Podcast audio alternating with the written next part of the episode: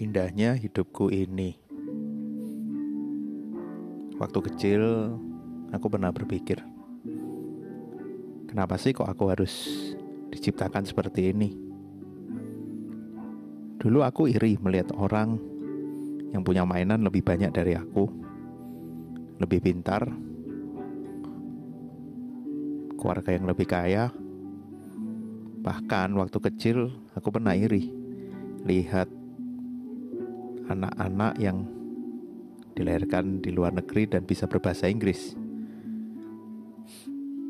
Tapi sampai sekarang aku tidak pernah bisa ganti, bisa menjadi orang-orang yang aku iri.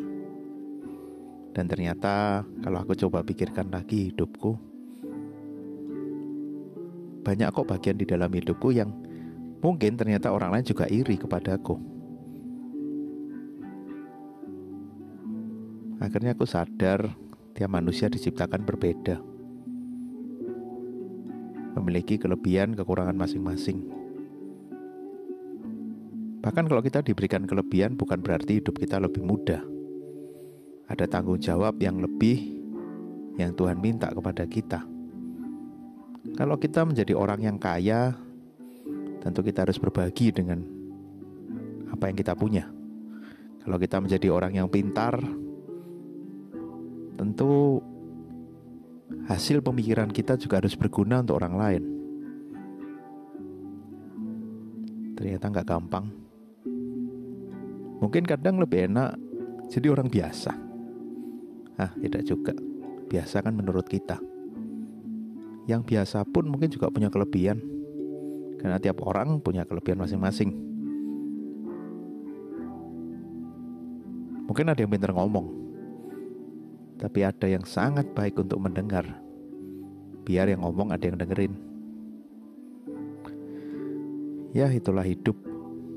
Semoga kita bersyukur dengan apa yang kita punya sekarang, bukan membandingkan dengan orang lain. Oke, anak kecil iri, berantem, merebut punya milik temannya, mungkin masih biasa. Tapi jangan sampai kita yang sudah lebih besar, sudah lebih dewasa, Ternyata kita masih seperti itu. Alangkah indahnya kalau kita bisa bersyukur atas apa yang kita punya sekarang, atas keberadaan diri kita, atas apa pun yang Tuhan percayakan kepada kita.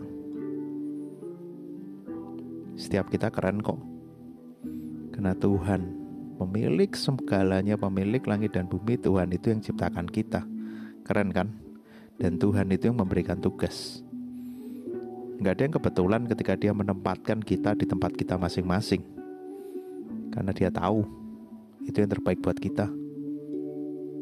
Kalau mungkin keadaan sekitar kita nggak ideal, kenapa kita ditempatkan di situ untuk membuat semua menjadi lebih baik? Biarlah kita bisa bersyukur untuk apa yang Tuhan sudah berikan dalam hidup kita bukan terus meratapi nasib. Kita terus bersyukur sehingga kita bisa terus berkata, "Ya, indahnya hidupku ini."